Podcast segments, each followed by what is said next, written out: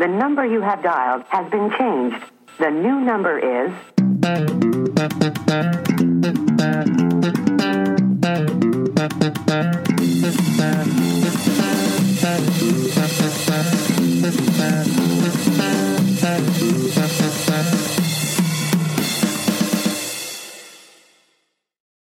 Hej och välkommen till ett nytt avsnitt av Tätortens vänner. Detta avsnitt gästas av Janne Adén. Journalist på Östran och författare till diverse fotbollsböcker som jag har läst såklart. Eh, avsnittet spelades in på ett fik i Kalmar så eh, det hörs lite brus i bakgrunden men det ska inte störa helhets, helhetsupplevelsen. Eh, mig och Janne hör ni väldigt väl men som sagt lite brus. Jag hoppas ni återseende med det för det är ett väldigt fint avsnitt. Där vi pratar mycket journalistik och en och annan fin anekdot. Eh, håll till godo. Tja. Först får jag välkomna dig till podden. Tack. Det kanske man ska börja med. Det känns ju rimligt. Men eh, alltså, om du fick beskriva dig själv, vem är du då? Ja, jag jobbar ju på Östrand eh, sedan länge. Jag har varit, eh, varit här i många år. Journalist. Eh, en, eh, jag, är, jag är nog lite... Jag gillar att hålla på med olika grejer. Lite, inte mångsysslare med fel ord, men, men eh, jag är nog en person som gillar att göra flera saker samtidigt. Men, för jag, jag har ju lä- läst dina texter, framförallt den du gjorde om mig. Den Ja, just det. definitivt. Ja, men det, är, det, är, det är väldigt brett spektra. Det är inte bara att vi skriver om liksom, musiker på något sätt. Utan det kan vara lite där, lite där, lite si, lite så. Ja. Och det måste vara väldigt uppfriskande tänker jag. Det är oerhört uppfriskande. Ofta finns det ju kopplingar som man kanske inte automatiskt tänker på mellan, ja, mellan musik och sport eller, eller mellan en bok och tennisspel eller vad som helst. Alltså det, sånt, eh, sånt är väldigt kul när det är liksom lite ja, när referensramarna breddas och det inte bara är en sak utan att det är flera. Ja, men det är som eh, jag tänkt på det att eh, vad, man, vad man själv kollar på för dokumentärer exempelvis. Ja, Det, det finns ju ett par sportdokumentärer som liksom är så pass bra att man kan kolla på dem i princip hur många gånger som helst. ja, Men det är lika kul att kanske, okej ikväll kollar jag på en dokumentär om Colombias lag 94 till exempel. Dagen efter kollar man på en dokumentär om Elvis Costello. Sen kollar man om eh, någon dokumentär om suffragetterna. Sen kollar man någon dokumentär om det är som i texter också. Att det är, jag intar att det är mycket roligt att skriva om. Där är det den eh, musikern, sen är den idrottaren, sen är den si, sen är den präst, sen är det så. Ja men absolut. Det är, alltså, det är som man säger upprepning dödar på något sätt. Alltså, är det variation? Tack ska du ha. Tack. Eh, alltså just variationen eh, gör det spännande. I det avseendet är jag ju lyckligt lottad som kan prata med, liksom, med alla slags människor. I, för att det är liksom till och med mitt jobb att göra det. Det känns väldigt kul.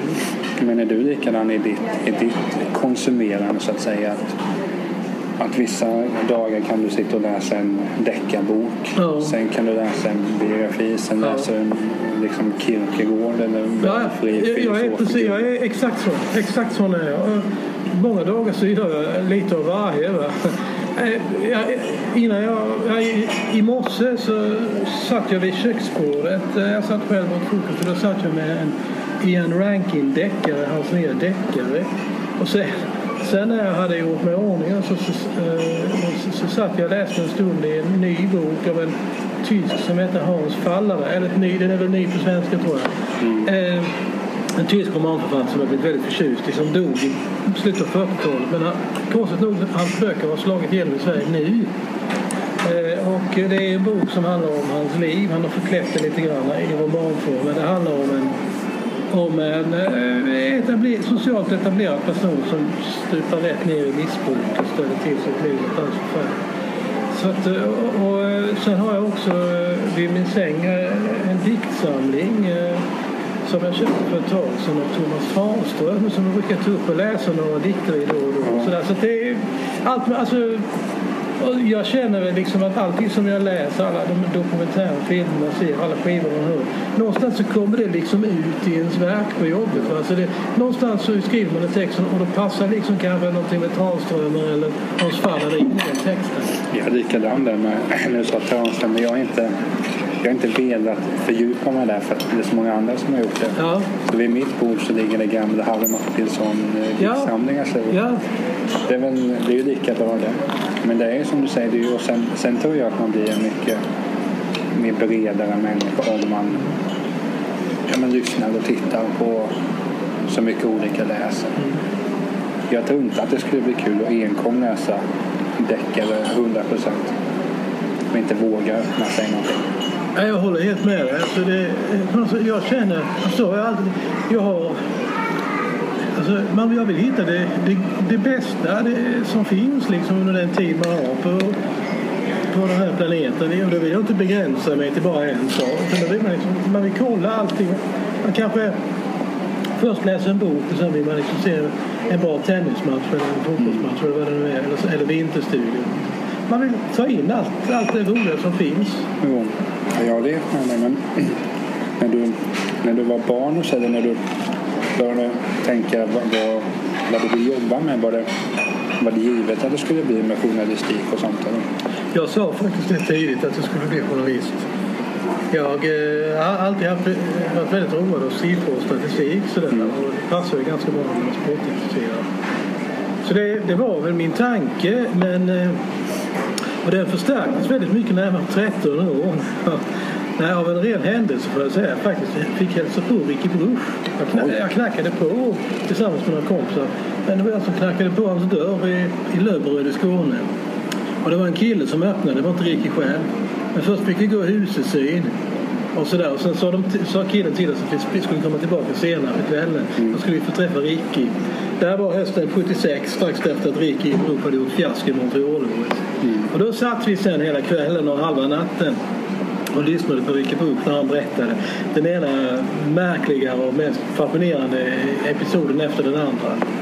Och det, jag kände liksom att jag fick så bra kontakt med honom när vi pratade. och Att, att när jag frågade honom om resultat och, och sånt där. Att han liksom, det var som att vi, ja, han såg på mig att jag menade allvar. Och jag tänkte att om jag kan jag kan få sån kontakt med en idrottsstjärna så kanske det är meningen att, att jag ska hålla på med sportjournalistik. Men just det måste ha varit... Ja, jag var ju inte ens född då naturligtvis. Jag var liksom 24 år innan jag föddes. Men när man har sett med, med Ricky Bruch, den här dokumentären, vad heter den? Själen är större än världen. Ja, den. Jag har inte sett den än, men den, den finns där. Men han verkar ju vara speciell på ett väldigt skönt sätt. Han verkar inte vara så konventionell. Han var allt annat än konventionell. Jag ska berätta en sak. För att förklara hur annorlunda. Alltså, när man kom in i hans vardagsrum. Så det, han hade ett jättestort akvarium och sen stod hans skivsamling enormt. Tusentals LP-skivor. Gissa minst 10 000 skulle jag tro. Alltså så många. Ja, det tror jag. Stod längs, eh, längs väggarna och, och uppåt väggarna. Och sen hade han en TV placerad lite avigt i rummet på ett litet bo- bord med ljud. Och under TVn så stod någonting som vi inte riktigt fattade vad det var. Och då förklarade han att det var något som heter video. eh, Som han hade köpt i USA. TV var också amerikansk om jag inte minns fel. Men det, det här var 76. Så jag, första gången jag hörde talas om en, en video. Det låg någon film där också. Eh, bredvid. Och det, ja, det var väldigt häftigt. Han var ju diskjockey vid sidan av sitt idrottande vilket förklarar alla hans skivor. Men eh, han, eh, han hade gjort fiasko som sagt på Montreal så då, han han höll på att avsluta en lång fasta när vi kom dit. I alla fall sa han det. Så han satt med en liten sån där tekopp, eller kaffekopp med vatten som han drack då för att liksom anpassa kroppen igen för att ta, ta in vätska och så skulle han börja äta också. Ja, men det är som sagt när man har läst lite om. För jag är väldigt, väldigt, intresserad av före detta idrottsmän eller före detta ta mediemän också. Det finns inga bättre att höra gamla historier om Ingvar Rondsberg eller Björn Elber eller Ricky Bruch eller vad för idrottare. Men det är när man har hört om Ricky Bruch eller ta Frank Andersson också för de var ju i Ja, samma tid. just det. Det var, nog, det var ju inte folk som liksom hade, var, levde det inrutade. Nej, alltså de var, de var normbrytare på något sätt. Alltså Ja. de, de accepterade inte den här svenska jantelagen att, att alla ska smälta in i en viss mall och alla ska vara likadana och sånt. De var liksom exhibitionistiska och eh, på gott och ont så tände de på gränserna. Va? Jo, det är klart har gått Men det var mycket, mycket jag det stör dem jag äter medan vi pratar. Nej, nej, nej. Vi bara, vi bara kör. Mm. Det blir en äkthetskänsla också man hör. att- Mm. Nej, men för, för när man då menar, när man läser gamla eh, intervjuer eller dokumentärer eller någonting, när man, när man märker just det här att för 74 då, det är ju 40 år sedan, ja plus minus, att det har ju förändrat sig väldigt mycket för att det Ta som Zlatan idag, han är allt annat än jantelagen. Ja, det. Men, men idag är ju det självklart att jag intar mig på den tiden måste jantelagen ha varit liksom för många det finaste som fanns. Mm, säkert. Och därför blir det ju extra intressant när då en Ricky Bruch-figur eller Frank Andersson eller, Ja, eller när Björn Borg flyttade till Monaco. just det. var Ja, det kommer jag ihåg. Den debatten som följde där. Jo, det är när man har läst sånt där liksom, och man förstår att det var så intressant. Man, man, man, man skulle vilja läsa mer om det och, och sen alla de här idrotterna vi har nämnt här nu. De var ju definitivt framgångsrika i alla fall. De var väldigt framgångsrika. Ricky Bruce, eh, Men det var väl diskus? det var diskus och lite kulor också. Han var kulor med. Alltså hans, hans stora besvikelse i, inom idrotten var att han aldrig vann en stor titel. Han hade ju nerverna emot sig. Han var ju så nervös. Men jag kommer ihåg när vi gick eh, ut från huset då mitt i Men hur natten. gammal var du då? När du var... 13. Ja. Eh, Eller jag skulle fylla 14. Men när vi gick ut från huset då på natten så gav han oss en, sin autograf. Vi fick varsin där han skrev Ricky Bruch, världsmästare. Jag hade på tungan att säga varför skrev du världsmästare? Det, det finns ju inget VM i friidrott. Det var inte läge. Utan det var, han såg sig själv som eller ville att vi skulle se honom som världsmästare. Ja, vilken jäkla kille. alltså. Ja. Och alltså, det var inte bara alltså, det här med sport eh, eller journalistik överhuvudtaget som att, att det fick, mitt intresse fick en skjuts utan det var också musikintresse. För han, han, han plockade fram en hel del skivor, bland annat någon Rod Stewart-platta som var väldigt bra. Och så drog hon någon anekdot som hade med den plattan att göra. Spelade en låt och så, och så vidare. Så att även mitt musikintresse som i den tiden inte var så stort, det, det, det blev väldigt... eh, Så, det blev väldigt kittligt. Det fan vad spännande liksom. så för att liksom prata kvällstidningstermer så kan man säga att Ricky Bruch följde din journalistik på ett eller annat. Ja, just det. Det Det är absolut. Absolut, definitivt. Men det är ju det är en ganska skön story att dra för ja, men hur blir Ja. du journalist? Ja, det får jag tacka Ricky Bruch. Ja, absolut. Det var, eh, men, ja, men så var det alltså. eh, Men du har inte, ni hade ingen kontakt i efterhand? Nej, utan det var, nej, aldrig. Men hade, man hade ju alltid det att kunna se tillbaka att jag har varit hemma hos honom Ja. när man ser att han gör det ena med det andra. Ja, det var, det var väldigt häftigt och det var nog i helt rätt ålder för man var alltså både stor och beundrande men samtidigt hade man ändå blivit så pass gammal så man kunde tänka lite kritiskt samtidigt att eh, en del saker som han sa, jag minns jag frågade honom om han var nervös i Montreal så han svarade med en tio minuters utläggning. Ingen av oss begrep ett ord av det men egentligen var det väl hans sätt att säga ja det var jag. Men, men, Ja. eh, ja. Men så han var så pass... Om, inte han, om, om han hade haft bättre nerver så hade han blivit världsmästare. Olympisk mästare, definitivt. Ja. Nej, för det där är- det är ju som när man, när man ser på sport. Nu vi ska tillbaka till min journalistik här snart. Men när man, det måste ju...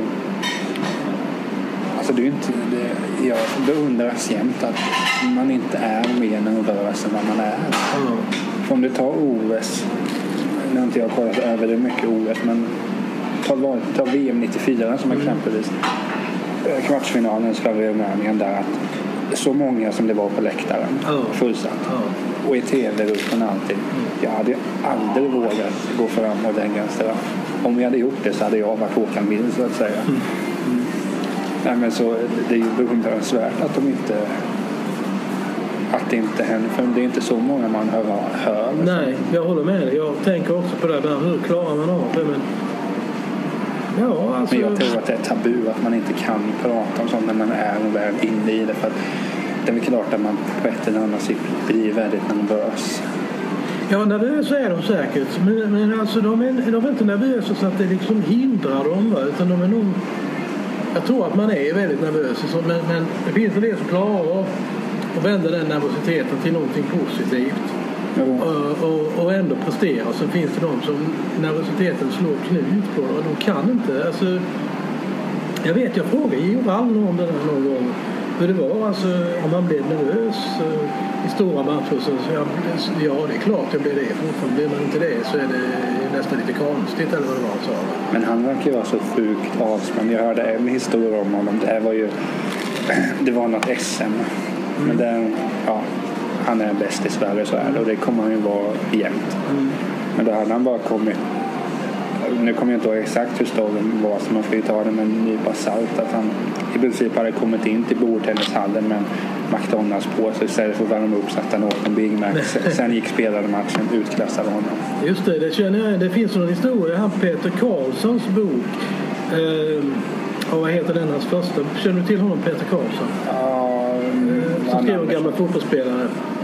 Den ska du ta och kolla upp. Jag, jag har tappat bort titeln nu. Men han, han berättar, jag tror säger att det är någon Charlie George eller en gammal Ja, Arsenal-profil är som värmde upp genom just att sätta sig på elementet. Ehm, det, är, det är nog en klassiker sådär. Men han värmde upp för att sitta på elementet. Ja. För, ja, det känns ju... Den är, den är väldigt underhållande den här första Peter Karlsson-boken. Eh, Drömälvan heter den. Det var, han skrev den när han hade läst eh, Nick Hornby och eh, bestämt sig för att ville göra en svensk motsvarighet. Underhållning. Ja, Underhållande texter om fotboll. ja. Så där, det kom 94. Den slog rätt stort. Jag läste inte den då men eh, Nej, Jag skulle inte bli förvånad om den någonstans finns hemma hos min mor. Jag är absolut inte förvånad om jag har den. kolla det. Han är, där är, han är underhållande. Eh, Du som är så fotbollskunnig, alltså du, du kommer känna igen alla namnen. Det är liksom gamla, gamla eh, tipsextrahjältar. Jo, men det är också det som är för kopplat till din journalistik. Att när du intervjuade mig för den här podden som jag sen bjöd in dig så man gör. Aha. Men då när jag kollade upp dig så märkte jag att du hade skrivit böcker Ja, som står hemma hos mig. Ja. Och det är ju ganska coolt. Det var väldigt coolt tycker jag med. Och de är ju... Nu kommer jag inte ihåg titlarna på dem men det antar jag att du har koll på. Någorlunda. Men de var ju också väldigt, väldigt underhållande. Ja, det är roligt att höra att du tycker det. Alltså, jag ser på det, det skrivandet jag gör vid sidan om, vid sidan om liksom yrket på Östra. Så det jag försöker göra med mitt handskrift, det är liksom strössel på glass. Liksom. Ja. Alltså lite anekdoter, underhållning. Alltså att det inte är så allvarligt. Ja, men för det var just en, nu, nu vet jag har läst många sådana här böcker så jag vet inte om just vissa anekdoter från din bok eller, eller dina böcker. Men det var ju bara sådana här små saker. Att när Arjen Robben skulle skriva på för någon klubb att de hade stavat fel på hans efternamn eller vad det var. Ja, just det. Och hans pappa sa det att jag kan inte ens stava hans namn, kan inte ta hand om honom. Ja, det var nog min bok. Jag känner igen det. Men sådana saker, det, det är ju jätteintressant då att Charlie Ward sitter på ett element. Ja. Eh, Om det nu var... Ja, nej, visst, nej, men visst alltså det, det är kul. Va? Jag tycker att... eh, Alltså, jag är själv en person som tar saker och ting väldigt allvarligt ofta. Just det gör, skapar ett behov att man måste hitta på ströet så lite, lite få sig ett skratt eller liksom bara sådär. Dra på smilbanden. Ehm, det, det, jag har alltid, alltså, ända sedan jag var barn, ända sedan jag var riktigt liten så har jag fastnat för just den där sportanekdoter och så lite lustiga händelser. Ja, vi är mer lika än vad vi tror du. Ja, det är också, ja nej, för, men, alltså, och sitter man i ett samtal med någon, kanske man är på någon middag eller någonstans och man märker att det är någon annan som har sportintresse och så utväxlar man några anekdoter. Då är det plötsligt som att man känner varandra väl. Ja. Men det är det som är så ja, skönt med- sport. Det är en av fördelarna med sport. Som, som du säger, träffar man någon, okej, personen bredvid är också sportintresserad. Då är det bara, ja, men, känner du till att Charlie George satt på element?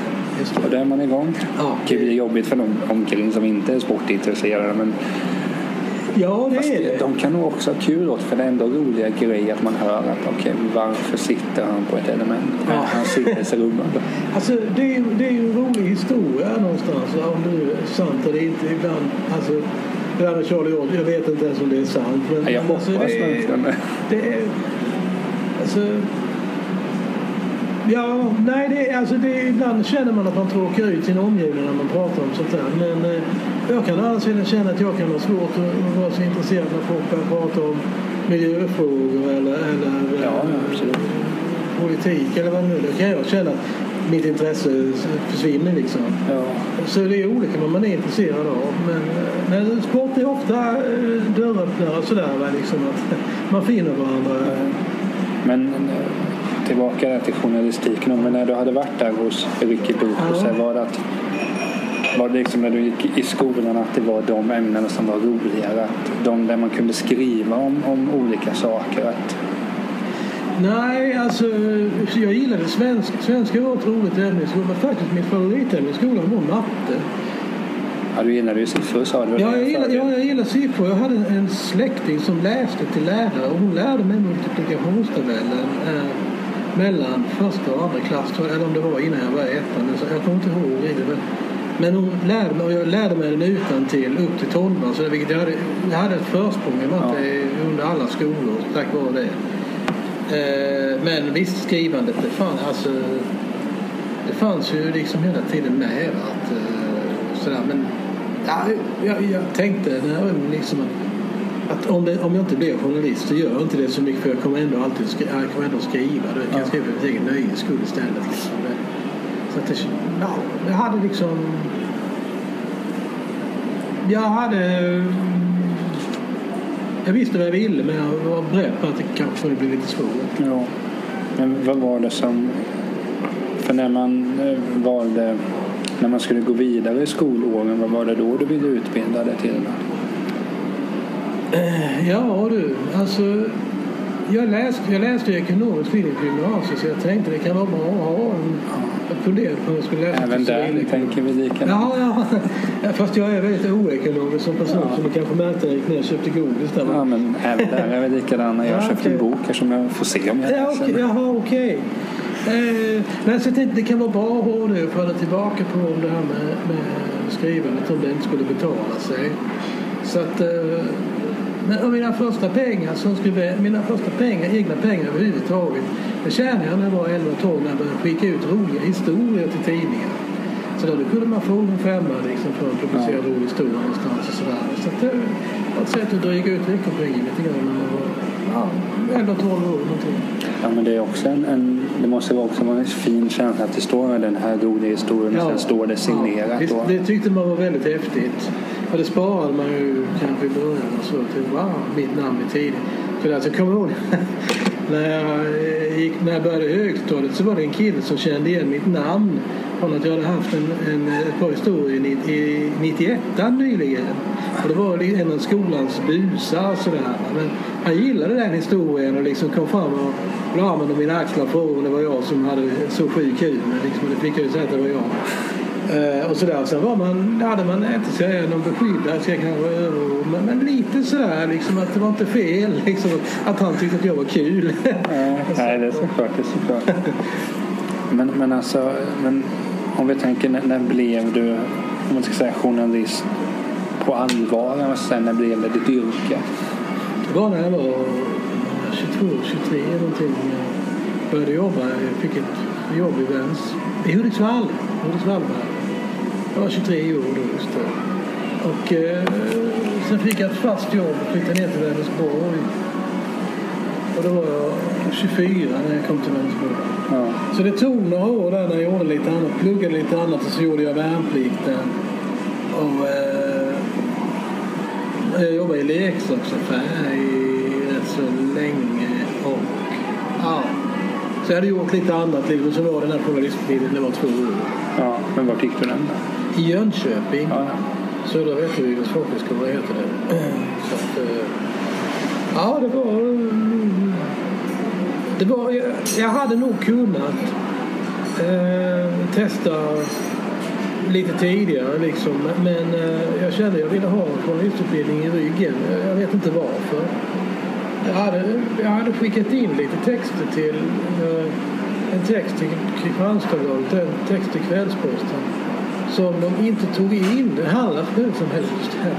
Som de inte tog in men de sa eh, liksom sådär att eh, kanske någon annan gång. Men det, det, men då kände jag att ja, men det kanske är så att jag behöver ha papper på liksom, att jag är journalist. Ja, nej men det kan väl vara en, en, bra poäng tänker jag. Ja, det kan det väl vara. Alltså, men någonstans, jag hade ju driften liksom att skriva och sådär. Men Mm. det var lite jobbigt när, när de sa ah, nej, vi, vi vill inte publicera. Tänkte, vad fan. Är, man, är jag inte bra nog liksom? Vad, vad är det för fel? Så, liksom. Men eh, det var, i efterhand så var det en nyttig läxa. Ja, men, men det kan jag tänka när man, för jag själv, alltså jag, jag vill ju en dag liksom kunna se mitt namn i tidningen att kolla, jag har skrivit den här om ja, dig eller valfri, eh, valfri text. Eh, och då var det att jag kommer när jag var barn, ska vi inte prata allt för mycket om mig, men det kommer att, det har mamma berättat att frånsett fotbollsproffs och sånt där som alla eh, grabbar vill bli så var det just att jobba med journalistik. Och det var att man, jag tror ju alla tillfällen man kunde när man skulle skriva någonting i skolan göra det extra bra. Kanske gick in mer för det än låt säga Ja, naturämnena. ja, ja, samma här. Absolut. Ja, men alltså, vad jag gillar med journalistik, alltså, det är just det där att man, att man står lite grann vid sidan om och betraktar och så ställer man lite frågor och, och sådär. Man, man, är liksom, man är med när det händer men man är liksom ändå lite utanför. Och, Det, Men det, det- hade jag, det, det, passar mitt kynne att göra, att göra så. Alltså när jag var ung var jag inte riktigt säker på om om jag, om jag kände ett större behov av att stå i centrum. Eh, Men eh, det passar inte mig så bra. Utan det här att stå lite grann vid sidan om passar inte Ja. bättre. Sådär, så att, eh, ja, men det kan man ju tänka sig med journalist för det är som du säger att de är ju inne i smeten. ja. Men de är ju inte kring dig det Nej. stormar eller Nej. Nej. Man är bara, man är bara ett verktyg som ska berätta en historia. Alltså, och sådär. Och, alltså, ja. Man, ehm, man, är, man, man, är, man är lite outsider på något sätt. Alltså, det, det var någon amerikansk journalist som sa en gång när jag läste när jag var ung, det tyckte jag var väldigt intressant, att en, rikt, en, bra, en riktig journalist har inga vänner för han, ser, han eller hon ser alla som antingen eh, potentiella källor eller, eh, eller att konkurrenter. det låter som någonting Gay Talisi skulle kunna säga. Ja, ja, det är absolut. Bra att du tar upp hans namn. Det skulle absolut kunna vara han. Ja, jag har Eh, läst ett par av hans böcker. Ja, men vad kul. Eh, Stor, stor beundrare av honom. Ja, han skriva, det får man ju ge honom. Alltså, de amerikanska journalisterna. Det, det finns ingen svensk journalist som är i närheten av, av dem tycker jag. Även om det finns många bra svenska journalister. Jo. Han är, han är enormt vass alltså. Tom Wolfe kommer jag ihåg när jag läste. Det. Har du någon läst honom? Bitvis. Är, han är den bästa stilist jag läst överhuvudtaget. Nästan så att det knäckte mig. Jag Kände när jag läste honom första gången. Varför i helvete ska någon annan skriva någonting när han är så här bra? Det är, liksom, det, det, det, det är så enormt mycket bättre än allt annat. Men, men eh, Ja, nej, jag, jag är så överlägsen kanske jag inte tycker han är idag. Men jag, jag läser honom ofta och Ja. tar ofta fram någon bok och läser par sidor bara för att få den där kicken liksom av hans språk. Eh, det, det. Jag, jag köpte faktiskt en bok i iTunes bara häromdagen. Av eh, en annan amerikansk journalist. Fan, när man kommer över 50 så tappar man namn. Han, han skrev bland annat eh, en eh, väldigt berömd text om John F Kennedys begravning. När alla liksom skrev samma historia om alla politikerna och sånt som stod i graven. Så, så vinklade han istället för han hade pratat med de två män som grävde graven. Ja. Och gjorde ett porträtt på dem. Alltså hur var det att gräva president Kennedys Mm. grav? Väldigt annorlunda. Och han, han var specialist på... Eh, Men då var det alltså ingenting om de närmare sörjan. utan Nej, det var, nej, det var handlade om de här två. Hur, hur, hur de såg på Kennedy, vilka de var. Vad de tänkte när de grävde den graven och sådär. Alltså det var... Ja, men det är samma som när vi nämnde Gay Talese och det Frank Sinatra has a code. Det är ett av dem, Ja, absolut. den Men är så Det är ju samma sak där. Han pratar väl, han pratar väl inte direkt med Frank Sinatra? Nej, nej, det gör han inte. Nej, han- Apropå det här stå bredvid. Va? Han Ja. står ju och ser Sinatra med de här två tjejerna och drinken i handen eller vad det är han står och dricker. Va? Liksom. Och skildrar ju den här stämningen så oerhört bra. Va? Det är liksom som, nästan som en symfoni. Sådär, att det, det blir mer dramatiskt ibland och så sjunker tempot lite grann. Och sådär. Jo, men det är det för att jag intalar mig att en, en intervju med Frank Sinatra där han får ge svar intalar mig att det är nog inte så kul för att Nej, det tror inte jag det heller. känns som en, en gubbe som ja, inte alltid känns så intressant att lyssna på. Så är det. Jimmy, jag ska bara säga, Jimmy Breslin heter den här personen som jag tänkte på. Jimmy Breslin. Hittar du någon bok av honom? Ja, han, han skrev romaner också. De är bra, men hans journalistik är mycket bättre. Hittar du någon av de böckerna? Kasta det över. Ja, då, jag, ska, jag får in på Adlibris eller Bokus eller. Ja, den är lite svår. Den här heter, jag tror den heter The, World According to Jimmy Breslin. Jag har, bara, jag har lånat den på biblioteket här i stan flera gånger via fjärrlån. Men den, var så sönderläst sista gången jag lånade hem. Det är säkert tio år sedan. Men nu hade jag av en ren slump så sökte jag honom i iTunes Store. Och där fanns den här boken för typ 49 spänn. Det Och det är bara sådana jättebra eh, knöl. Alltså just han hittar liksom en annan story. All, 99 av 100 journalister går åt samma håll för de vill inte missa storyn. Men han är den hundrade som vågar gå åt andra hållet och hitta någonting annat. Nej, men det är ju det med, med Sinatra eller Talese överlag att, att nu har jag inte läst alla hans texter naturligtvis men jag har läst många av dem hans böcker så att det är ett speciellt språk. Ja, det är det. Det är mycket bra, det är väldigt fint. Men det är just det som med Frank Sinatra att det är inte, du gjorde den här skivan där, okej, varför bla bla bla. Eh, hur är det att turnera med The Rat Pack? Svar, la la la. Utan här är det ju att han pratade inte men han visste att Sinatra bodde på det hotellet. Då tog man kontakt med var han beställde upp room service och allting som var på den klubben. Då gick man dit. Eller den texten han gjorde om eh, vad heter den? You DiMaggio, Silent Hero. Åh, vad den är så bra. The Silent Seas- Season of the Hero. Den Men det är, är väl- så oerhört bra. Men det var ju länge sedan jag läste men det är ju också Jude DiMaggio. Jag kan inte allt för mycket om honom men han var ju en av de absolut bästa. Eh, det var väl baseball. Ja.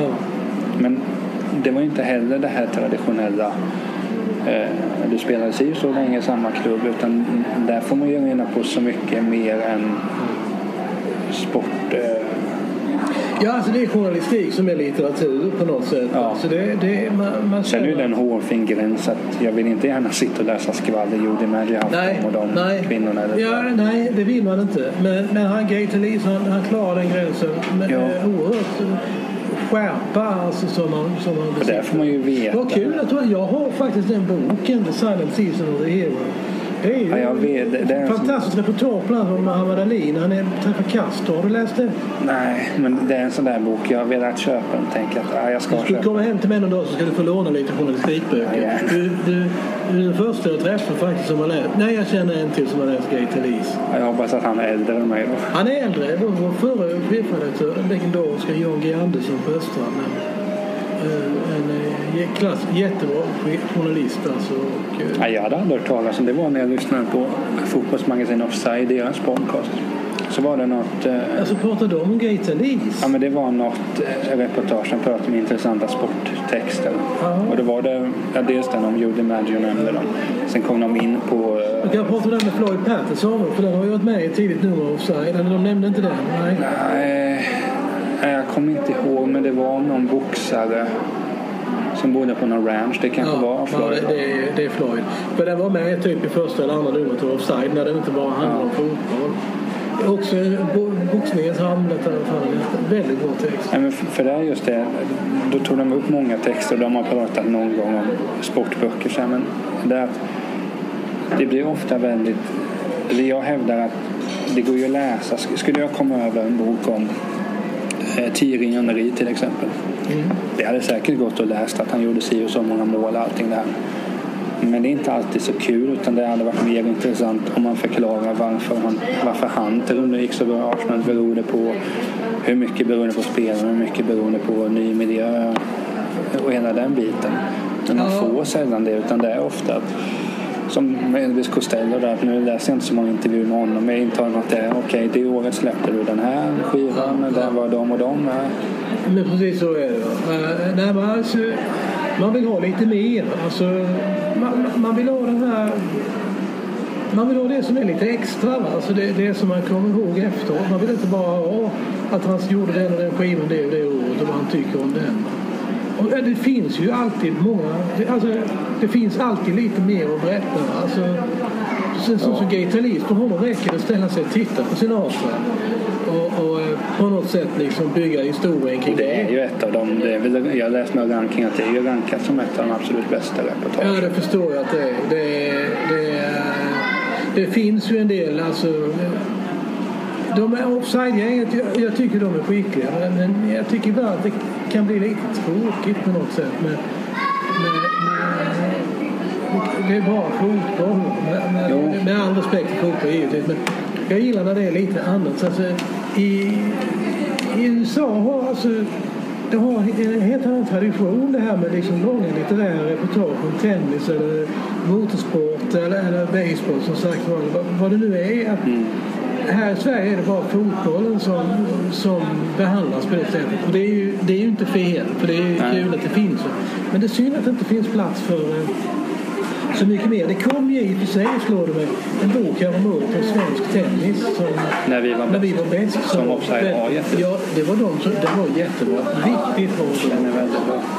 Jag blev så glad att tänkte, wow, gör de ut något annat än, äh, än äh, fotbollsböcker? De gav ju, det kanske inte, det kommer även en väldigt bra bok om. Uh, 700 sidor, jag tror den heter bara väldigt bra. Vem är det? Tony? Tour de France, det var någon, Ja, en, dan- en dansk journalist som skrev den. Nej men alltså, jag tror ju på det för hur mycket man tycker om fotboll det där. Jag, det man slänger sig över det i alla fall. Men det, det är ju minst lika kul att läsa ett, ett långt reportage som uh, Lance Armstrong. Absolut. Bara För han, just den inter, i- historien är ju intressant. Absolut. Såg du dokumentären? Ja, den sett. Ja, den kanske vi redan. Jag kommer inte ihåg. Nej, jag såg den för någon uh, månad sedan. Ja. Nej, absolut. Alltså, cykling är... Alltså, det är lätt att avfärda det som bara en dopingsport på grund av sådana som Armstrong och andra, andra fördömda fuskare. Men fan, alltså, cykling är mycket mer än bara fuskare. Alltså, Tour de France är... Det är ingen tillfällighet att det är en av världens största tä- tävlingar. Alltså, det, det är så häftigt att följa. Och inte minst nu när Roberto Vacchi kommenterade i Eurosport. Ja, men han är Alltså, det- han är ju fullständigt fenomenalt kunnig. Och eh, alltså cyklingen, hur det upplagt. Alltså det här med, med att hjälpryttare och liksom att då och då så är det någon outsider som kan få vinna någon etapp. De kan, en outsider kan ju aldrig vinna en, en stor cykeltävling. En outsider vinner ju aldrig Tour de France. Men någon gång kan de vinna en etapp sådär så de får sina 15 minuter av berömmelse. Det är häftigt. Men just det här med, med cykeln. Alltså jag, jag förstår ju dem som avfärdar som en dopingsport med tanke på att affischnamnet, att Ja. allt, allting har varit fusk helt enkelt.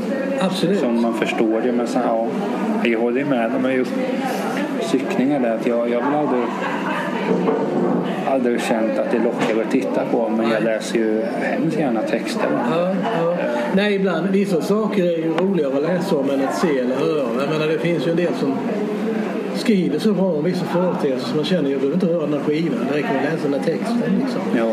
Är det sådär, det är, jag såg, som du också gillar dokumentärer, jag såg en väldigt bra dokumentär här veckan på Netflix om han, den amerikanske legendariske filmrecensenten Roger Ebert heter han väl. Den Så- finns på min watchlist. Ja, så, han såg väl typ ja, alltså flera, ett flertal filmer varje dag. Och var inte rädd för att tycka heller. Och, eh, men det, han var recensent. han var recensent. Otroligt bra recensent. Alltså, eh, Eh, och, eh, jag har läst en del av hans recensioner. Eh, jättebra. Alltså, oerhört grundlig och enormt kunnig med så här breda referenser. Han kunde liksom referera till massor. Han var kunnig om, liksom, ja, inte bara film.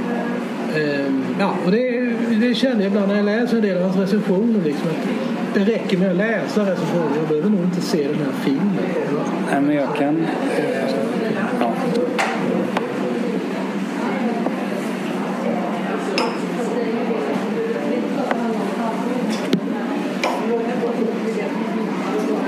Men jag kan... eh, För det att eh, få koppla...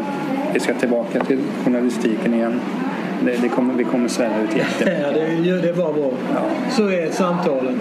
Nej, men det är det jag känner att, att jag liksom hade gett det här journalistik, eller drömmen att skriva hade jag nästan gett så att, ah. För det var, på den tiden så satt jag någon värdering i att jag skulle förakta journalisten. Jag vet inte varför. Det, jag, vet inte varför. Nej, Men, men så kan man känna. men så var det bara att så började jag läsa Anders Lockos krönikor. Och det var ju, det det? kärleken. Ja, men vad kan det vara? 2007, 17, 18 kan det ha varit. När han var riktigt vass. Ja, jag tycker fortfarande den är väldigt, väldigt vass. Men det är ju som när han skriver om, om musik att det kan vara band jag aldrig någonsin har hört talas om. Troligen aldrig någonsin kommer lyssna på. Men det är ändå värt att, lä- att läsa den här recensionen för att och det är ju det som är en bra skribent som gör att det kan föda någonting. För jag Jag menar, håller med. Det finns ju många bra i Sverige. Locko är ju, jag tycker att ja, det är min absoluta favorit om jag skulle vara tvungen att plocka ut någonting. Gradvall är ju bitvis också väldigt vass. Ja, han, är, han kan vara väldigt rolig, Gradvall. Han är, han är häftig. Jag gillar också Gradvall och Locke väldigt mycket. Alltså, de har ju hört ofantligt mycket mer än vad jag har gjort. Sådär. Skri, de skriver jättebra också. Det är svårt för dem. Det kom en bok för 15 år sedan, en samlingsvolym som heter Feber. Ja, den Men- finns nu på Pocket Ja, att köpa. den kan jag rekommendera. Alltså, även Lennart Persson, tyvärr avliden för sex år, musikskribent från Malmö. Jag köpte, jag köpte Sonic, den tidningen. Där kunde man ju köpa alla Köpte du med... Ja, den köpte jag. Ja, där har jag också den. 700 sidor. Ja, men den står där fint och den, det är ju ingen bok man läser från ax till. Nej, just man, det, Man det gör man ju lite då och då. Håller Anders, med. Anders Locke hade ju någon, att han släppte två böcker med hans samlade texter. Det är ju 1600 sidor totalt. Jag köpte den. Jag, faktiskt, eh, jag, jag köpte den. en specialutgåva i en box med en skivklädd box. Den Anders Locke och den köpte jag faktiskt. Eh, Det var lite kul att ha. Ja, jag var ju sugen men jag hade inte, det, det rymde inte min buffert. Nej, det var svettiga utgifter. Jag tror det var typ 2009 och sånt. Jag ger mig själv det i julklapp. Jag brukar alltid ge mig själv en bok i julklapp. Jag tror i alla fall att det var till jul. Men i alla fall. Eh, Men frågan jag skulle komma till, när, när du växte upp, vilka var dina som du tänkte att... Alltså jag vet, och då fanns ju inte internet och det här, men fanns det någon du läste och bara tänkte att ja, det är bra det här? Ja, alltså jag kommer ihåg jag läste när jag var barn, fast han skrev om Jo- Johan Jan-Olof Olsson. Minns jag att jag tyckte skrev otroligt bra. Jag vet inte om du vet vem han var, men du kommer att, du kommer att ramla över hans texter och böcker. Vad skrev han? Han skrev både sport och repertoar. Alltså, han var en sån där outsider som... Han stod lite grann vid sidan av. Alltså, han hade ett sätt att skriva som... Fantastiskt skickligt. Alltså, så enkelt och klart. eh, eh, Med väldigt, väldigt väldig blick för de små detaljerna. Så, eh, han gillade jag. Sen gillade jag... Eh, jag gillade de här texterna som var med i Sporten idag. Du känner till. Ja, jag har sett böckerna, det kan finnas Det fanns ju en sån som heter Årets Sport. Sportpanorama. Ja, men jag tror morfar har någon sån där. Ja. De, de, och sen fanns det en bok som betyder mycket för mig som heter eh, Friidrottens först och störst. Eh, och som var en, en bok med, som jag fick när jag fyllde 11 eller 12 av min pappa. Det var liksom friidrottsstatistik och världsrekord och så. Sen hade liksom texten bröts av, då och då var det liksom anekdoter om, om ditt och datt. Typ att Ja, en amerikan som heter Harrison Dillard som, som skulle springa 110 meter häck i OS 48 men misslyckades i kvalet. Då kvalade han in till OS på 100 meter istället och vann då.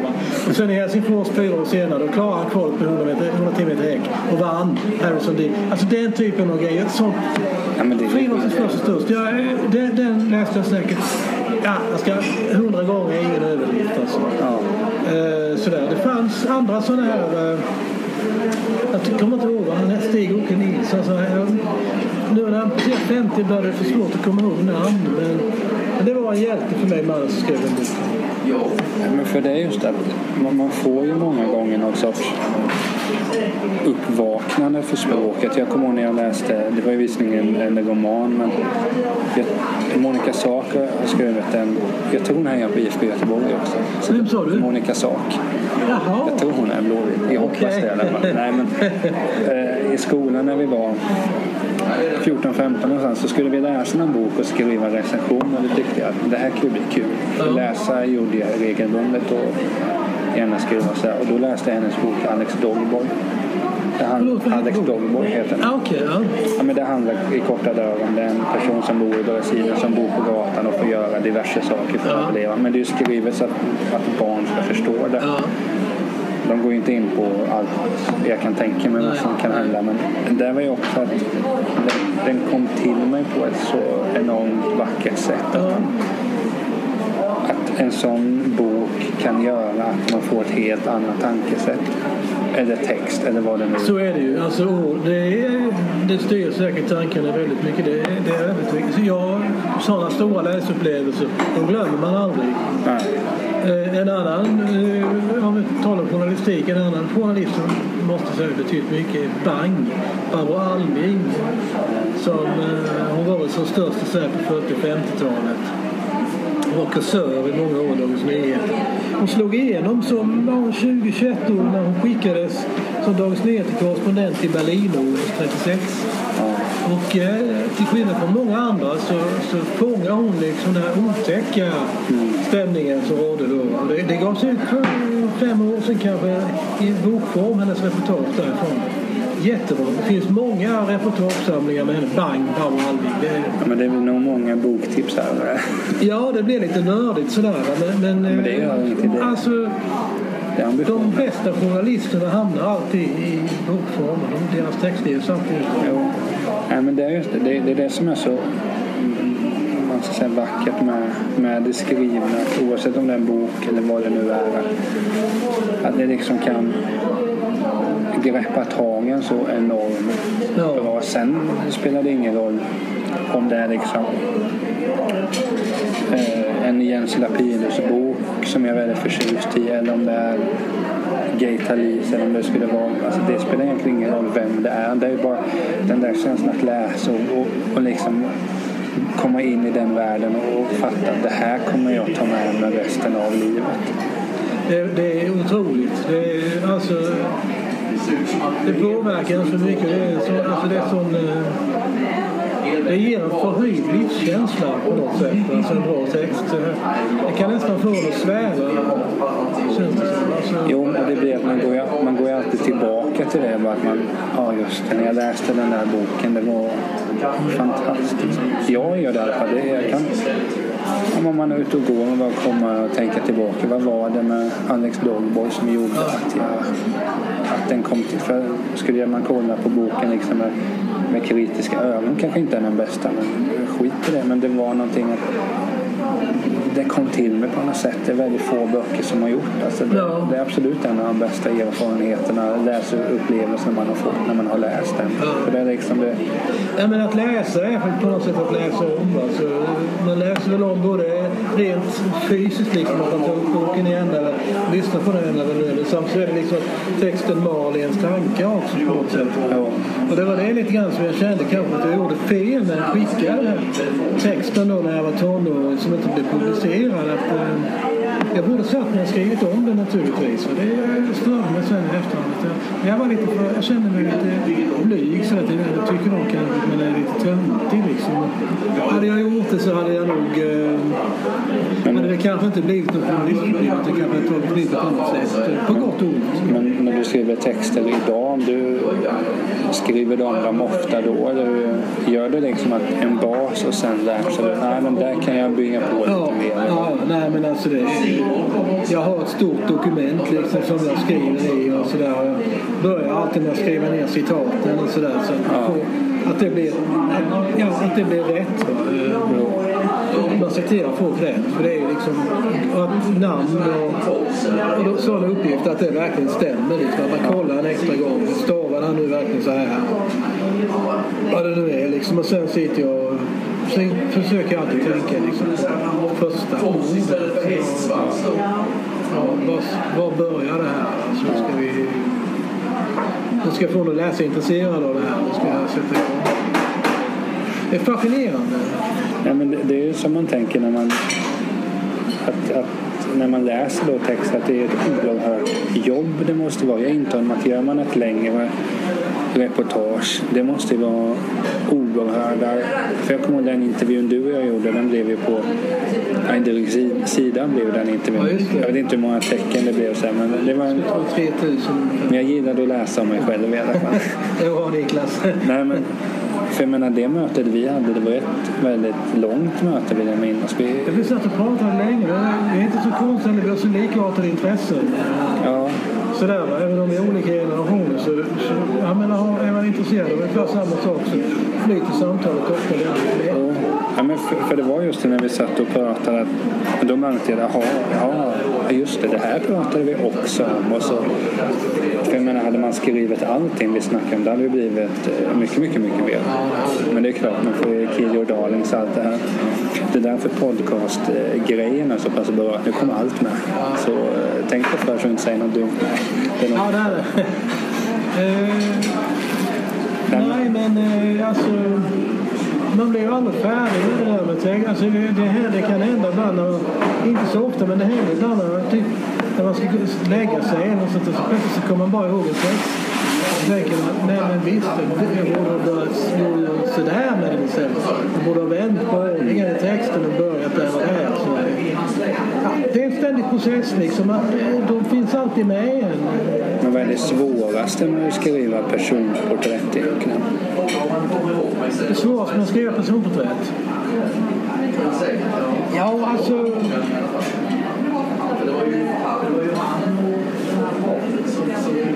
Det svåraste är väl på något sätt att man känner att det är väldigt, alltså, det är ett, ett stort ansvar. Alltså det, det måste bli rätt. Mm. Det skulle vara jävligt jobbigt om någon sa att jag kände inte igen mig i din text. Alltså det, Ja, för det är just det jag tänker. Det måste vara svårt om, om, man, om man inte känner personen mer än kanske det. Okej, okay. han, gör, han spelar in filmer lite då och då. Men att man ändå ska lyckas försöka beskriva vem är exempelvis Mikael Persbrandt? Ja. Det måste vara jättesvårt att, och utifrån den här tiden att man, det är därför jag imponerar de som skriver personporträtten. Att man lär känna personen när man läser om den. Ja, alltså jag gillar ju folk. Liksom. Alltså, jag, jag, är, jag är verkligen är liksom, jag är intresserad av folks historia. Alltså, en annan grej som är svår det är ju liksom att kärnan i ett personporträtt det är ju egentligen alltid samma. Alltså, vad är det som får personen att ticka? Alltså, vad går de igång på? En del kanske inte vill äh, ge en det riktigt. Alltså, det kan, kan ibland kanske det liksom är ganska lätt att hitta fram till. Ibland är det svårt sådär. Men, men den, det är både en utmaning och eh, och eh, eh, något som är väldigt roligt. Att liksom försöka komma fram till det där. Vem är den där personen? Varför honom eller henne? Men jag tänker så här, vilken om du fick välja levande eller döda, du kan ta en av varje. Vem skulle du vilja göra ett personporträtt på? Vi har vi Oswald som eh, kommer spontant att tänka på som, som misstänktes för att mörda Kennedy. Själv blev mördad strax därpå. Det, det, om jag, ja, det är en intressant story i alla fall. absoluta drömknäck. Eh, skulle jag mer vilja intervjua? Eh, måste jag tänka Sen var det ju det här. som hände i våras också. Eh, det där om eh, de där hallonen som de hade i Brunnsgården i Ljungby. De där, de där eh, förgiftade hallonen. Men, men det, det kanske kommer upp något under, under tidens gång. Ja, det var det. Ja, vi, vi, vi får prata lite om annat med här och ja. fundera samtidigt. Ja, men för, det kommer jag när vi gjorde intervjun så, så sa du att du skulle lära mig mer om countrymusik. Ja, ja countrymusik är ju är något som jag har kommit att tycka väldigt mycket om. Jag känner oerhörd oerhörd kärlek till countrymusiken. Alltså, det- Men är det en, en ny eh, kärlek på så sätt? Inte alls, inte alls. Utan det var när jag växte upp, eller när jag började köpa skivor riktigt mycket. Så blev jag bekant med en skivsamlare. Jag kommer från Kristianstad. En kille då som var sju år äldre. Och han gillade country. Jag tyckte det var lite töntigt. Men, Men vilka jag kunde inte låta bli att tycka att det var bra det han spelade. Och sen gav Elvis Costello ut en countryplatta när jag var 19. Då hade jag en del countryskivor själv, men det gav liksom mitt intresse en skjuts. va. Ja. Och det har bara blivit mer och mer sedan dess. Eh, Men det, och alltså, ja, när jag var ung så skrattade folk ofta åt mig att jag gillar country. Men Men, vad är det? Tror, för mig är country ganska nytt. Men vad, vad är det som, som gör det så pass bra egentligen? Är det liksom sårbarheten som finns där? Eller? Alltså country är, det är så väldigt mycket. Det är både väldigt känslosamt men samtidigt eh, finns det plats för humor. Drastisk humor. Alltså, det handlar ofta om hjärta och smärta och sådär. Men eh, de närmar sig hjärta och smärta på ett lite annat sätt. eh, Så att det är mer rakt på sak och med ord, alltså ord, snygga ordvändningar hör det till country. Dessutom så sjunger countrysångare ofta väldigt bra. Och eh, förra om åren sket jag i om de kunde sjunga. Eller ja, det gör jag väl i viss mån fortfarande. Men jag har kommit att uppskatta riktigt skickliga sångare på ett sätt som jag inte brydde mig så mycket om när jag var ung. Men har du sett eh, den här country-serien som heter Nashville? Nej, jag har inte gjort det. Gör det. Jag har tänkt många gånger att jag ska. Har du sett den? Ja, jag håller på. Och den är, det är ju bra skådespel och alla låtar som är med där är ju skrivna för.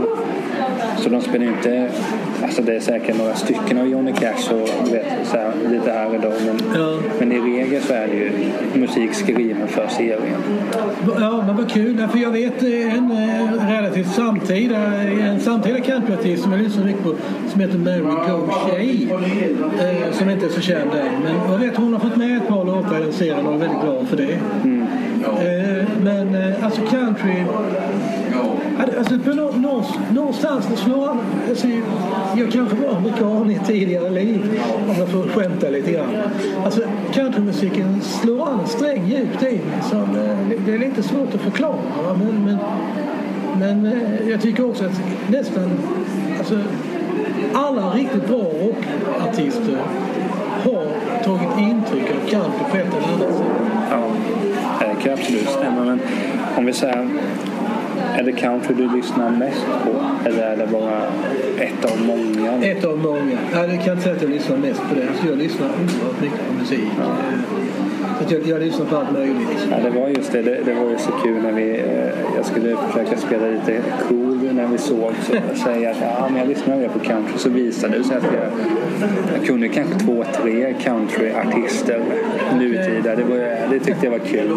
Och då vet jag du sa i någon bisats att nästa gång vi ses så, så ska du få en lista. Ja, Men du får smsa den eller någonting. jag ska smsa en lista, absolut. Det, kan bli en lång lista. Ja men, ja, men det gör ingenting. Jag är ute efter nytt. Ja, men det är som jag har känt med country. För att tidigare var min bror och hade lyssnat på country. Ja, så länge jag kan minnas. Ja. Men där är det ju liksom Johnny Cash och, och den typen. Jag är Ja. inte så jätteintresserad där. Men så var det när jag började kolla på Gils veranda. Där på SVT. Fantastiskt program. Mm. Där spelar man mycket, väldigt mycket eller enkom country. Och det var ju där man nästan förstod att, att det är inte dåligt det här. Det är inte dåligt. Nej, det är inte dåligt. Alltså, nu, nu på onsdag så ska ju, eh, och det är en av mina favoriter, eh, ska ju Gillian Welch vara med veranda. Jag trodde hon skulle vara med nu i onsdags faktiskt. Jag fick för mig det. Så jag twittrade ut någonting för det var min födelsedag. Jag, kan det vara så att hon är med? Vad kul att hon är med just på min födelsedag. Men så bra var det inte. får jag gratulera. Ja, tack ska du ha. Den där Joel Alme som, eh, som jag också tycker om, han är ju inte country men han var ju med. Det, Mycket, det, det var ju ingen dålig ersättning i och för sig. Men nu på onsdag, då är Gillian Welch med. Det, Vad var det för datum då? 25 va? Ja. Ja. Nej men det, det, det är det som är med country just att det är så vackert på något sätt. Det är melankoliskt. Sen är det ju mycket country som inte är bra också naturligtvis. Visst är det så. Det, Det finns det, är- ju- så är det med allt. Det är många, många fotbollsspelare som inte heller är bra. Liksom, och många många... eh? Ja, alltså vilken bransch man än är i så finns det alltid många som inte är så bra. Men om vi, om vi stannar vid musiken och kanske brände oss. Men när kom liksom... Var det också i, i samband hemma hos Ricky Bruch, musiken? Ja, alltså det, det fick en kick, det måste jag säga. Alltså, just, just det hans, alltså, jag blev så imponerad av att han kunde de här anekdoterna. Alltså, om Rod Stewart och sådär. Eh, jag kan minnas fel, men jag tror att han spelade en låt av Rod Stewart som heter The Killing of Georgie. Som handlar om en homosexuell kompis till Rod Stewart som blev misshandlad just för ett gäng eh, bråkstakar som såg, honom och förstod att han var homosexuell.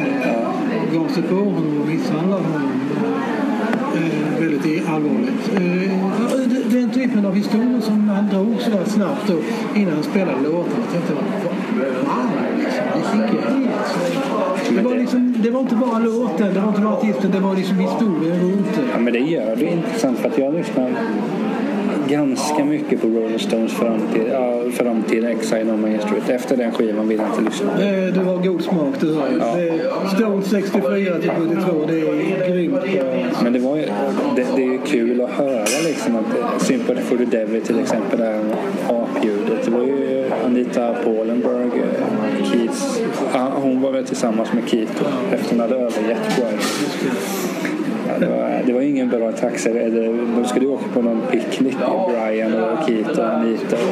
Han bo- han blev både sjuk och sen Keith har hans eh, brud samma dag. Det är inte särskilt kul.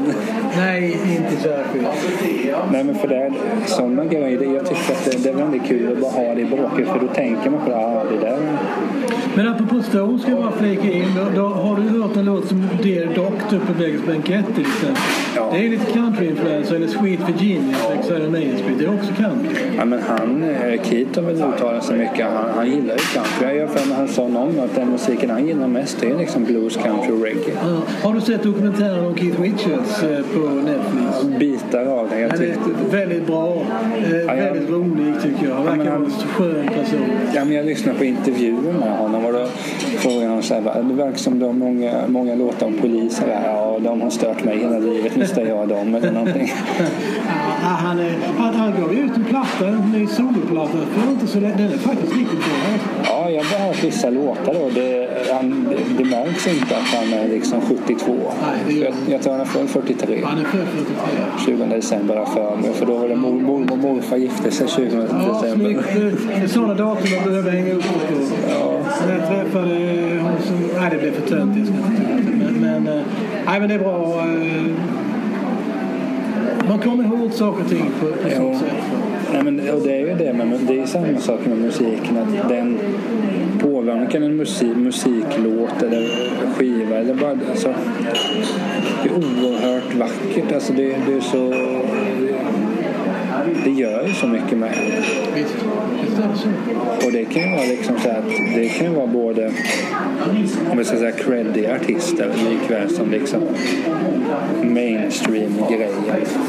Jag jag är liksom överförälskad i Katy Perrys musik. Det är liksom, det. just nu är det liksom bland det bästa. Ja.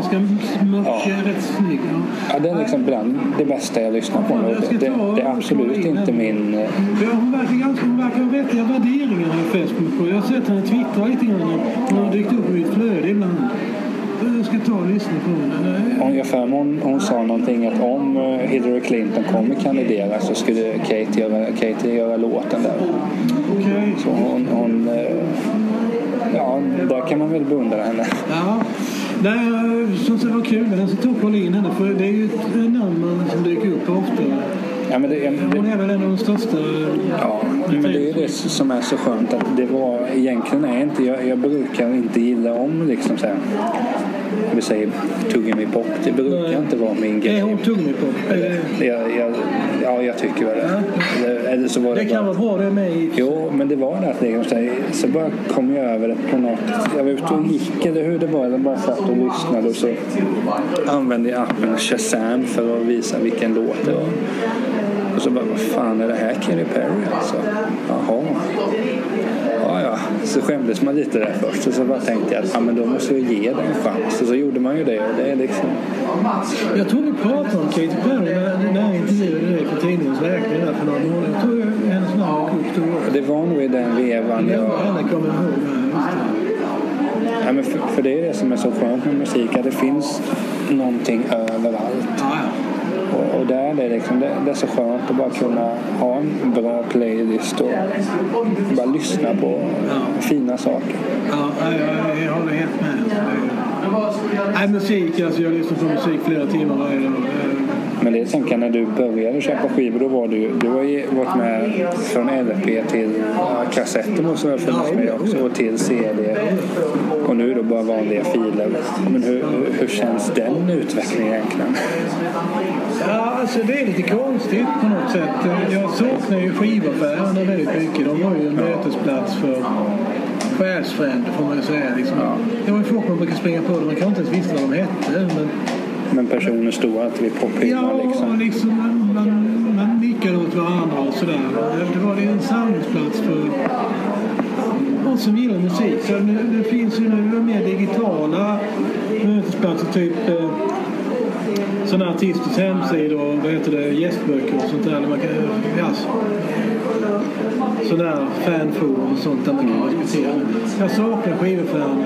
Jag hade ju rätt så mycket vinylskivor jag fick sälja dem. eh, att jag fick sådana här pengar 90-talet. sådär. Och Sen byggde jag upp en stor CD-samling, eller stor, stor, rätt, rätt så många CD. Nu mer köper jag det mesta digitalt i iTunes. Ja. Jag är, jag är ingen, eh, ingen Spotify-människa. Alltså det, det är ekonomiskt skulle det vara för jag vill äga det. Ja, men jag, jag är inne exakt samma sak. Jag, jag, köper, jag tror jag bara köpt en skiva från iTunes. Det var någon som IFK Göteborg gav ut. Och den kände jag att det får vara värt det. Det får vara värt det. Men annars, jag, jag är ju sån här... Man lyssnar på Spotify, eller jag gör väl en fuling. Man lyssnar på Spotify och märker att det här är sjukt bra. Då köper jag det. Sen finns det vissa artister man vet att ja, men det här kommer falla mig i smaken. Och, men, men jag tycker, så här, jag tycker lite synd om den, den kommande generationen då, som är kanske fem år idag som, som får upptäcka musiken genom telefonen. Sen är det ju fördel också. Nu kan jag ha liksom 100 album utan att det väger någonting. Det är bara... Det är häftigt. Alltså jag menar, jag har min iPod i byxfickan. Jag har 20 21 000 låtar någonting i den. Liksom helt sanslöst. Ja. Men jag menar, det, det ju fördelen. Men samtidigt vill jag vill ju kunna sitta hemma när man lyssnar på Exile No Mainstream. Sitta och läsa det samtidigt som jag hör när de sjunger Tumbling Dice eller vad det nu kan vara. Det är en grym bra låt det oj, oj. Eh, nej, så är det ju. Eh, just det där att fysiskt kunna ha någonting i handen. En skiv, skivfodral, ett texthäfte. Det är samma sak med filmer tycker jag. Jag köper jätte, alltså, lätt två, fyra filmer, en film i veckan liksom. Det är bra tur. Det behövs någon som håller den industrin under armarna. Alltså det, det får inte försvinna. Det, det är likadant med böcker. Alltså ska det här med läsplatta, snart slut, vanliga böcker? Det, så jag skulle tycka det var väldigt tråkigt av många anledningar.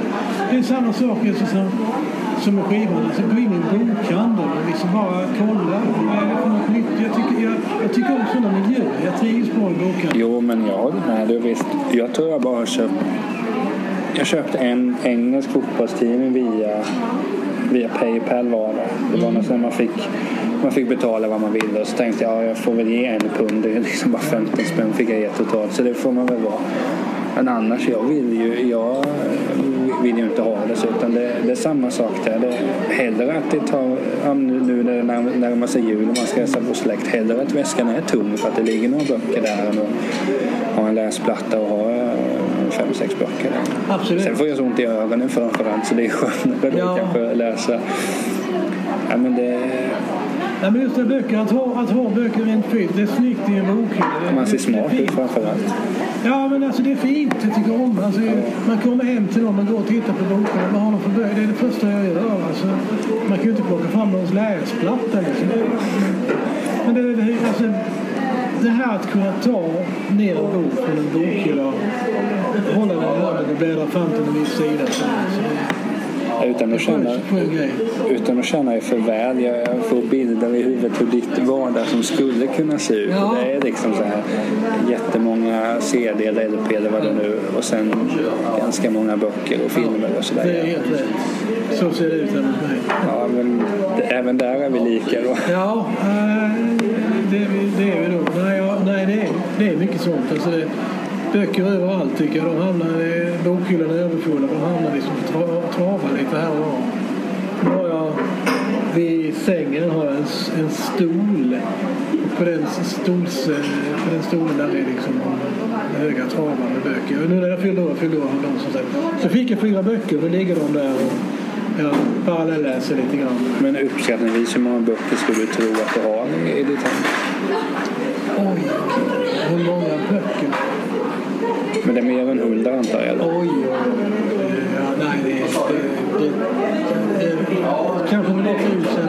Så det är så pass? Ja, ja, jag har böcker. Mycket mer böcker än vad som får plats. Jag har ett förråd av många böcker ligger. Jag har ingen aning hur många det är, men det är... Det kanske, är bäst, 2000 är det kanske är bäst att inte veta ibland. Ja, det kanske det. Nej, men för det, det är som du säger någonstans.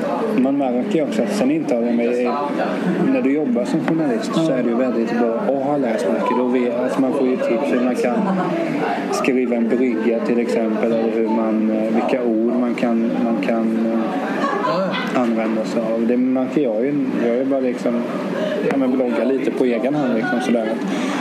Efter att man har läst den. Ja, nu har jag köpt Stockholm Delete här av, av Jens ja, det är det Det är, man, man lär sig jättemycket där också hur man kan skriva Ja. eh, meningsbyggnader. Om hur, borde, går det att använda längre meningar? Och Vart ska man sätta kommatecken? Det är ju en jättebra utbildning i hur man ska bli en bättre skribent. Absolut. Jag håller helt med. Nej, alltså, man läser mycket så gillar, alltså att läsa och skriva är på något sätt samma sak. Eh, det, det, liksom, det hänger väldigt tätt ihop. Alltså, tycker man om att läsa så bör man nog skriva om man inte rent av alltså, kanske började där och, och kommer underfund med vad vi läser. Jag känner just att, att läsa för mig är som jag sa innan, det är att läsa om. Man läser ofta om, i alla fall om det mesta som jag läst läser jag om. Kanske att man, man läser om några meningar på en sida eller något sånt där. Det är samma sak tycker jag när man skriver. Att man skriver om det. Ja. Ja. Men det är just det. För jag, att när man läser någonting. Att dels, man får ju så mycket för det. Dels blir du förhoppningsvis underhållen. Du lär dig ju någonting. Vilka ord man kan använda och så vidare. Och så vidare. Du kan ju få ett helt, helt annat tankesätt på det och sådana där saker. Och det, böcker är ju, och film det är ju, det är ju minst lika bra utbildning som att för jag hävdar att mycket av det jag har lärt mig det kanske inte är nödvändigtvis från skolan. Eh, Det kan ju bero på olika eh, grejer där men mycket beror ju på att man har sett så mycket film. eh, Visst lär man sig mycket av det. Absolut. Så man, han Jan G Andersson som var politisk chefredaktör Som skrev en journalist som jag beundrar mycket. Så, jätteschysst chef dessutom. Han, eh, han sa en gång att eh, en- är man en riktig journalist så har man ett referensbibliotek hemma. Ja. Och det kändes lite skönt när han sa det. Men det har ju jag faktiskt. Då är jag väl en journalist då. Det, kan, det, är, det är ett sånt där ögonblick jag aldrig glömmer. nej men det är just det. Jag menar, det finns så pass mycket och nu när podcasts också kommer och blir stora. Det, det är så mycket man kan men ta som Peter Dokumentär, de är ju hur bra som helst. Man lär sig så mycket om, och för mig då som är relativt ung, man lär sig ju mycket. Hur, hur var 90-talet verkligen med, med Lasermän och... Alltså, jag upplevde ju inget sånt. Jag var ju med Lasermannen och jag hade ju knappt lärt mig gå liksom. Det var sådär så. Jag, jag tror att man, det är nog viktigt att, att konsumera mycket media för att man lär sig så oerhört mycket. Så är det. Alltså du har ju en fördel där. Och det är att du, jag känner jag hinner inte med allt jag vill. För man, man blir tröttare när man blir äldre. Så. Just att musik, musiken på något sätt, det kommer först. Ja. Och sen böcker. Ofta läser jag samtidigt som jag lyssnar på musik. Men även poddar har jag svårt att lyssna på lite grann. Men jag hinner inte alla jag skulle vilja. Det är så att John Bradvall har börjat podda också. Så Jaha, när, men när ska hinna lyssna på honom? Alltså, Ja, den, jag, inte, jag lyssnar lite och den, den är som hans texter. ja, men det är Förhållandevis Offsides bra. podd här. Fan, det måste jag också lyssna Ja, det är liksom veckans höjdpunkt. Okej. Så är eller det. Är, ja, för de sätter min podcast. Ja, ja den, den, är, den är särklass givetvis. Ja. Nej, din, nej, men alltså... Jag känner det, alltså, hur ska jag hinna? Alltså, det, Ja, men alltså det är klart, det tar ju tid. Men jag gör så att så fort jag har en ledig tid, om det så bara att jag ska gå och hämta posten, lyssna lite då. Smart. Eller om man ska gå och handla. Ibland blir det ju bara 5-10 minuter, men det får man ta. Ja, nej, men det är smart. Ja, men det, jag, det, vi är lika det egentligen. Alltså, men, nu när vi har gjort den här podcasten så ska jag gå och handla. Och då vet jag att jag kommer att lyssna på musik när jag går i affären. Det gör jag alltid. Alltså. Eh, det alltså, det- tar kanske tio minuter, en kvart. Men jag hinner höra radion. Och då blir, man, då blir man lite glad och då får de man bor med, då får ju de en trevligare... Ja, man känner på något sätt att jag är rädd om min tid. Att jag försöker Ja. maximera, maximera njutningen, den njutning jag kan ge, eh, ge mig själv. Liksom, Ja, men jag är så att så fort jag är och är ju lika viktiga som att ha på sig på skor. Ja, ja, men det håller jag absolut. Jag, jag tränar mycket på Markas faktiskt. Ja, jag med faktiskt. Alltså, jag har på Västra här. Ja. Vad konstigt att vi har sprungit på varandra där. Jag är där tre gånger i veckan. Ja, jag har också något sånt. Men lust, det måste vi förr eller senare springa på. Jag var där faktiskt nu innan. Jag fick korta ner mitt pass lite grann så jag skulle hinna möta dig i tid. Men eh, jag lyssnar alltid. Jag, jag börjar alltid med att gå bandet en stund och sen kör jag mitt styrkepass. Och musik i hela tiden. Någon gång då och då lyssnar jag på podcast. Jag din eller, eller, eller någon annans podcast. Jag har lyssnat lite på eh, en engelsk podcast. På, eh, jag tror det är BBC som, som handlar om kända britter. Vad de skulle ta med sig för skivor till en öde ö. Vad heter det? Är det Desert Den Island? är Desert Island Disc tror jag den Ja. Keith Richards var ju med där. Ja, ja, My- mycket var- blues. Väldigt Ja, mycket blues. Ja, Du känner till det? Ja, nej men den var rolig. Ja, men, Ja, han Costello var också med här. men sådana är ju faktiskt många gånger om det är rena. Det är därför jag tänker med det här att det här har inte varit en intervju, det har varit ett samtal. Ja, För hade vi sett hemma hos dig hade samtal varit ungefär likadant. det hade det. Men sådana är ju så pass intressant för det säger ju mycket om, okej, du får ta med dig tio skivor. Om du skulle ställa en fråga mig, dels hade jag behövt tänka en månad på det. Bara för att göra sig själv rättvisa och sådär. Men sen, det är ju... Jag har alltid egentligen tittat på det. Jag vet att det finns en miniserie på Youtube där mest för gamla punkrockartister där som heter Where, Where's in my bag eller What's in my bag. Då får man ta liksom tio punkskivor som har betytt mycket. Okej. Och det är också när man hör dem, ah, men det är den här från det bandet och den har betytt si och så. Det, det är ganska hårt klipp så det blir bara två meningar om varje. Det låter som något som jag skulle gilla. Punken var ju... Alltså, när jag var hemma hos Ricky upp och sa alltså, hur häftigt det här var, liksom hans anekdoter och skivor. Och det var just mängden var... Man hade aldrig sett... man menar, folk hade kanske 10-11 hemma. Ja, det var man kände och man själv också. Men att en del av den musiken han spelade var mer anekdoter. Man minns inte själva låten. Men senare, alltså ett halvår senare ungefär, så kom ju punken och Pistols och, och det vände upp och ner på allt. Det tyckte jag var Ja, det är jag så besviken att jag inte fanns uppleva det. Alltså, när det jag hade jag. Sex Pistols första gången på radion. Jag kommer ihåg jag gick upp på mitt rum och slog sönder min skrivbordstol. Alltså, det var, det var, och det var inte raseri utan det var bara... Jag var bara tvungen att göra någonting liksom, eh, något väldigt drastiskt. Ja, det, är, det, det är det som är så intressant med Sex Pistols. Det var väl 77 till 79 de fanns. Men så mycket. 77, nog. 78. Ja, 78 till och med. Men det är att de har betytt så mycket. Eller ta som The Doors. De fanns ju visserligen 65 till 70 var det 66, 71 eller vad det var. Men de har betytt så sjukt mycket. Menar, Så är det ju. Countryartisten Graham Parsons gjorde bara plattor under ett fåtal år. Men eh, han, han, han, han bet- kommer betyda oerhört mycket. Det är bara verksam under kort tid. Vad den heter med Graham Parsons. Men den här skivan det är ett ljusblått omslag och sen hans ansikte. det är väl Grievous Angel? Va? Sjukt bra. Den är bra. Den har jag lyssnat på ett Fantastiska duetter med Emmylou Harris. Ja, men de hade väl någon relation där var det väl? Eller? Ja, det vet man inte riktigt. Det är lite mytomspunnet, lite hemligt. Men det var så att när han dog då så fick inte hon komma på begravningen. Graham Parsons fru satte stopp för det. Ja, ja. Så att eh, Graham Parsons, det har ingenting med det här göra, men jag, bara, jag hittade för ett tag sedan på, eh, det var nog på Facebook eller möjligen Twitter.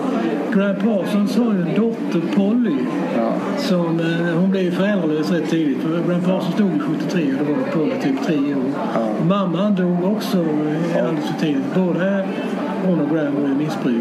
Det var liksom. Men hon, Polly Parsons, driver ett eh, behandlingshem för eh, rehabiliteringshem för, för, miss, för att hjälpa missbrukare. Ja, det ska jag googla när jag kommer hem. Som, som, eh, ja, och det är väl i det hus där hon växte upp. Ja, ja. Eh, söker du på henne så kommer du hitta.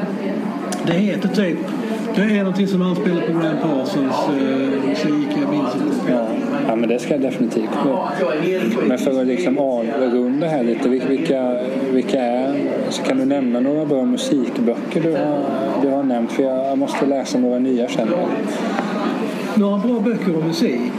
Nej, Costellos har fick ju bra, Ja, fick alltså- ju bra kritik. Ja, läs Costellos memoarer. De är För bra. den skulle, som jag förstod så skulle inte den vara så där skrytsam som många av Nej, han är, nej, det är han inte.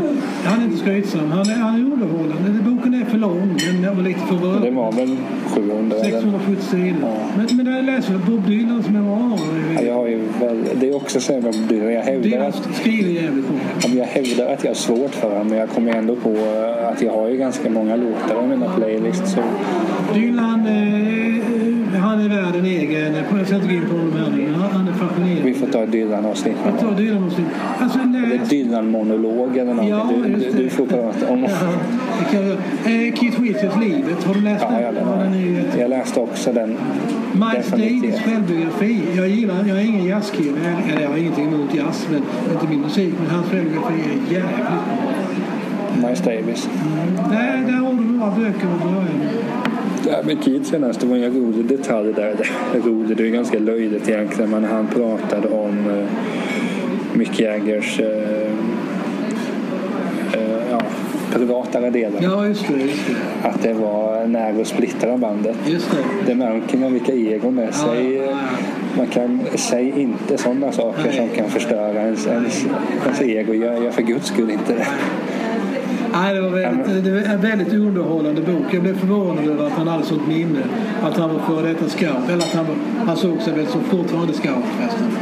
Ja. Eh, en eh, väldigt eh, intressant. Ja, men han, är, han är ju väldigt, han är väldigt rapp också. Jag hörde någon intervju med honom.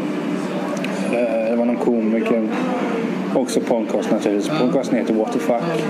With Mark Maron. Han är, ja, intervjuerna i sig är inte alltid sådär bra. Men då var Keith med där och det är att han är ju så rapp hela tiden. var det någon som frågade, då frågade han så här bara, men, så sa de alltså, ja, men liksom varför började du röka? Ja, det var inte kul i skolan. Eller någonting. Ja, nej, han är, han, han är slängd i käften som du säger. Han, han, är, han är rolig. Han, han verkar inte ta sig själv allt för allvarligt. Och han har ett fint bibliotek. Det kan man ju se en bild i boken Livet. Och. Ja, det är en väldigt beläst person, alldeles uppenbart. Faktiskt kanske till och med mer beläst än som Costello som ändå har läst en del. Ja, nej, men man märker ju med. Keith att man, man vill ju ofta tänka sig att han bara är hård och ja, men, lite dum i huvudet och gör dumma Ja. saker. Men jag, jag är helt säker på att han är mycket, mycket skarpare än vad folk vet om. Ja, jag tror du har rätt. Jag är övertygad om att du har rätt. Eh, Alltså, är han det. Sen må nog han beröra i alla fall med tanke på alla hans framgångar och sådär. Men det märker man ju lite i dokumentären. Jag har inte sett hela men han är ju inte tråkig. Han, han, han, det märks att han vet vad han snackar om och, och sådana saker. Det ja, nej, det, det verkar vara en intelligent och allmänt vettig Ja. person. men det var nog det, men jag får, jag får tacka. Säger du? Ja, tack själv Niklas. Det var kul. Det var väldigt kul.